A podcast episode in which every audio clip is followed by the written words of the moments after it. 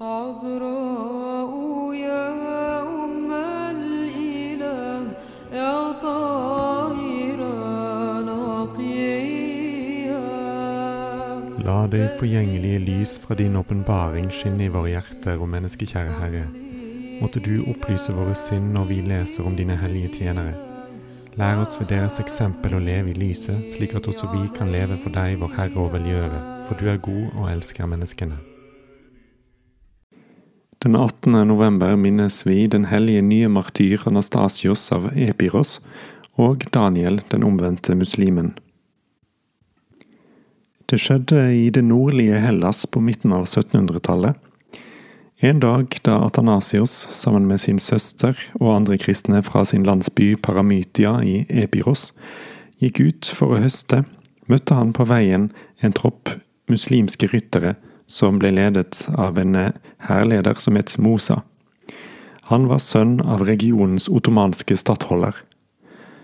Han ble slått av Anastasios søsters skjønnhet og ville bemektige seg henne for å gjøre henne til gjenstand for sin grove lyst. Men Atanasios kastet seg dristig mot tyrkeren og skaffet sin søster tid nok til å flykte. Da Mosa og hans medskyldige ble jaget bort av de kristne, begynte de å klage til pashaen der. Og denne lot Anastasios arrestere, og da han så hans mot, forsøkte han å omvende ham til islam.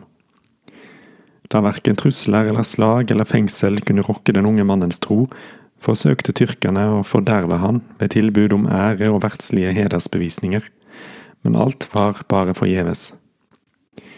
Men Mosa, som var forbauset over Anastasios holdning, ville vite mer om denne troen, som gjør de kristne sterkere enn alle verdens makter, og begav seg i hemmelighet til hans fangehull. I det øyeblikket fangevokteren åpnet porten, så Mosa to unge menn med lysende utseende som omgav fangen, og så forsvant de straks da han kom inn.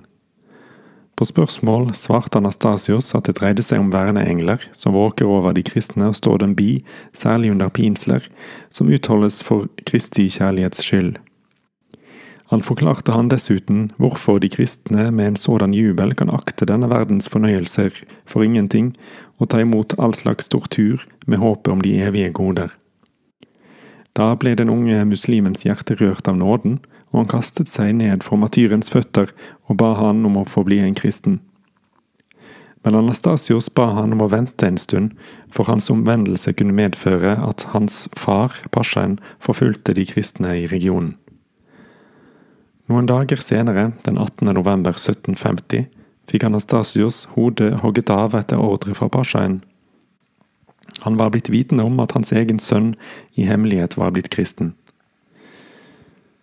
Da Mosa skulle begi seg til en nabolandsby for å være med i et bryllup, kom han og kastet seg ned på den hellige matyrens grav, og så fikk han del i den nåden å se Anastasios vise seg, helt omgitt av lys, og denne oppmuntret han til å fortsette sin vei til Kristus.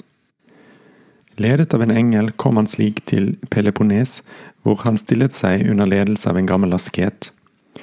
Han fullførte hans innføring i troens hemmeligheter og i det asketiske livet. Deretter begav han seg til Patras og, og tok et skip til Venezia for å bli døpt der uten frykt for tyrkerne. Så fikk han navnet Dimitris og tok av sted til Korfu, hvor han ble munk i et kunobittisk kloster under navnet Daniel. Men askesens kamper var ikke nok for å slukke hans tørst etter Kristus, og da han ønsket å fullt ut fullføre sitt kall som kristen ved martyriet, bega han seg til Konstantinopel. De kristne i byen frarådet han likevel å ofre seg til døden av frykt for de gjengjeldelser som kunne følge for resten av de troende.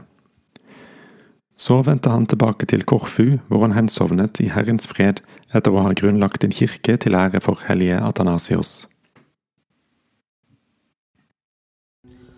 عذراء يا أم الإله يا طاهرة نقيا